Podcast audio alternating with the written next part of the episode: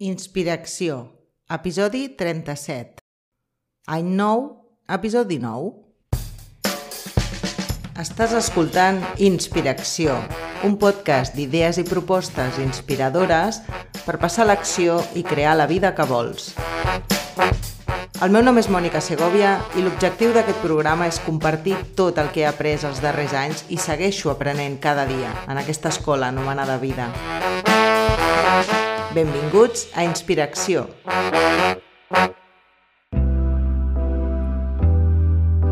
Hola, què tal? Com estàs? Em venia molt de gust crear aquest nou episodi avui, perquè tot i que el calendari és un invent dels humans per organitzar-nos socialment, és cert que aquests dies de festa, celebracions i sobretot per any nou, la vibració global és alta.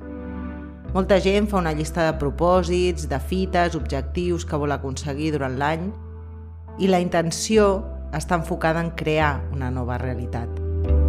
Això en conjunt fa que l'energia vibracional del planeta sigui més alta aquests dies i per tant m'ajuda a sentir-me en sintonia amb la veu de la meva intuïció, la saviesa interior.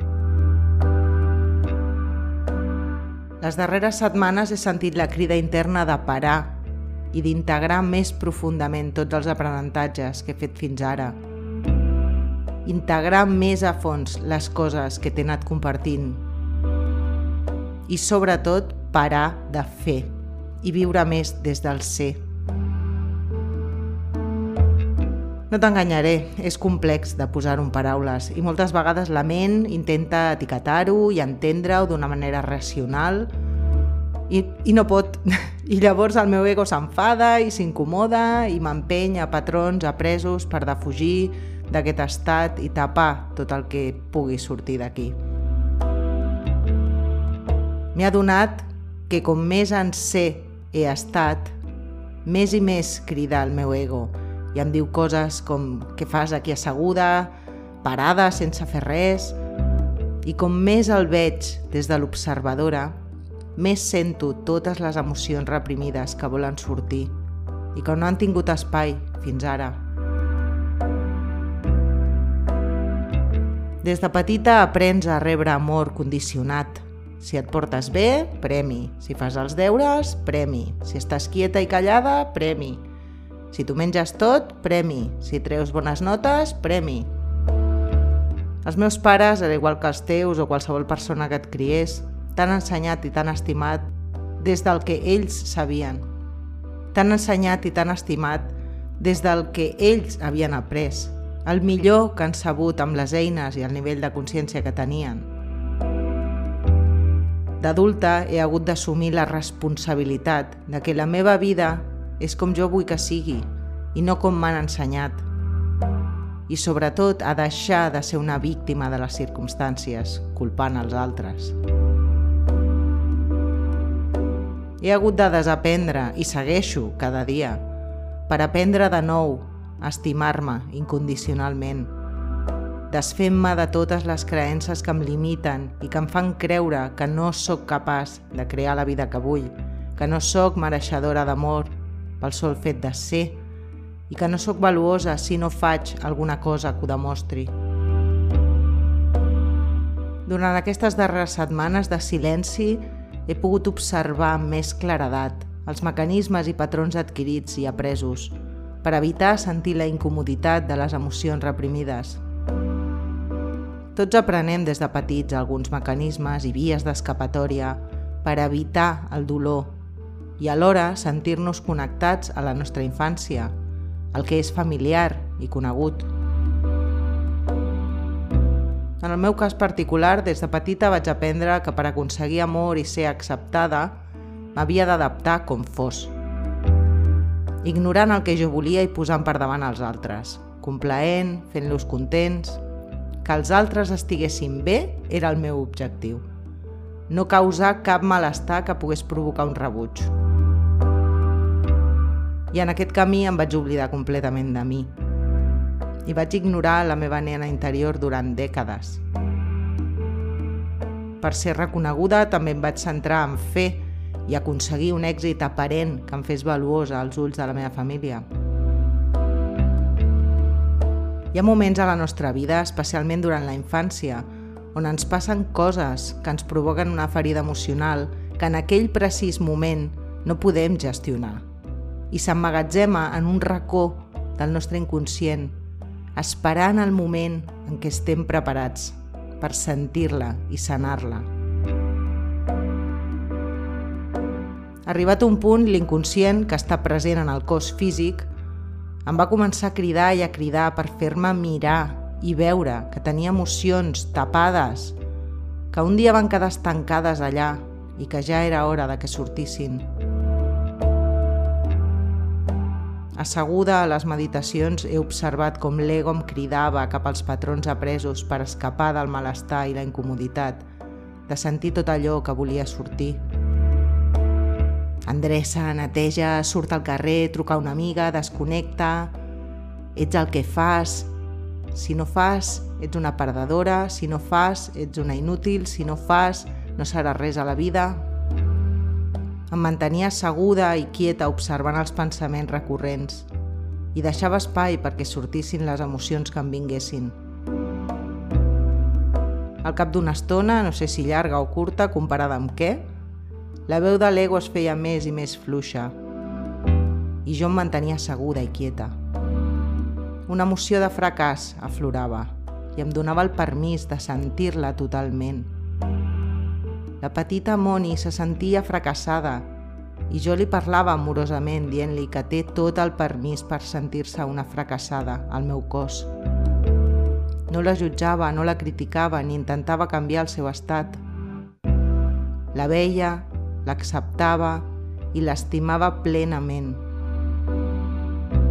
Amb el plor purgava la ferida i després d'un temps em sentia més tranquil·la i plena d'energia que abans. Els darrers dos anys han estat un escalfament per l'intens entrenament que viurem tots, com a humanitat, el 2022. Cada cop serà més i més difícil i més dolorós ignorar les ferides que tots duem a dins.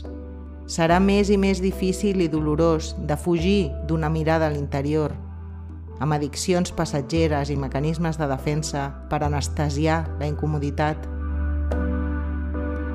durant el 2022, un any 6, que significa l'amor incondicional, multitud de persones es veuran forçades, sí o sí, a encarar la realitat.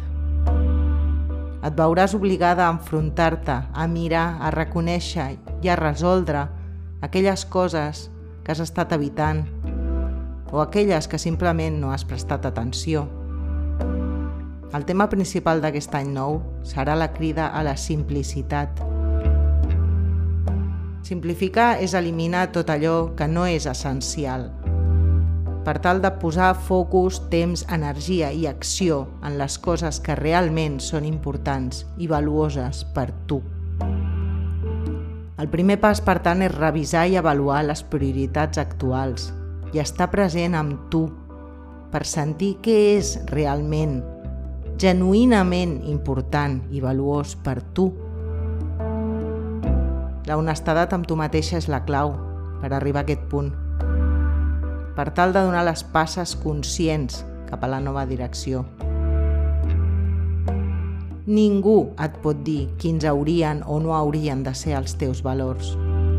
Només tu pots viure la teva vida i només tu ets qui té la resposta al teu interior. Ignora totalment els comentaris externs. Decreta internament gràcies per compartir la teva opinió. Jo decideixo quins són els valors importants a la meva vida. I segueixes a la teva. La simplicitat et condueix a una vida més plena de significat i sobretot més lliure. Et comparteixo unes passes per començar l'exercici d'honestedat. En primer lloc, simplifica el teu entorn físic. Quines coses necessites i quines no necessites. Quines coses de les que tens les gaudeixes i quines acumules per por.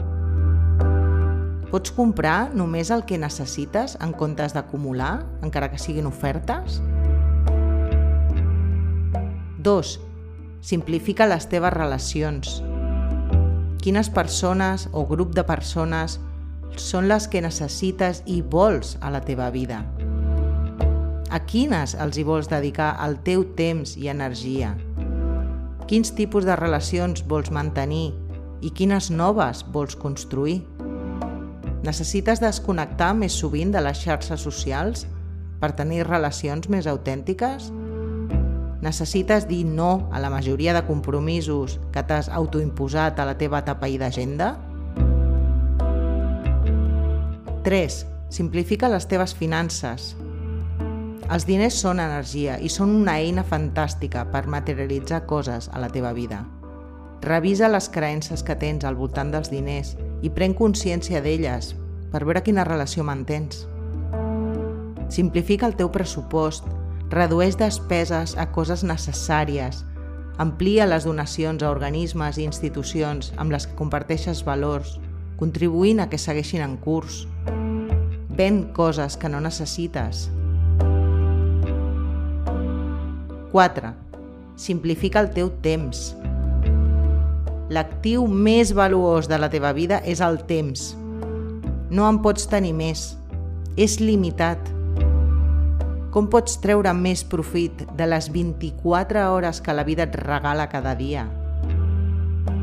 Un dia és com una vida en miniatura.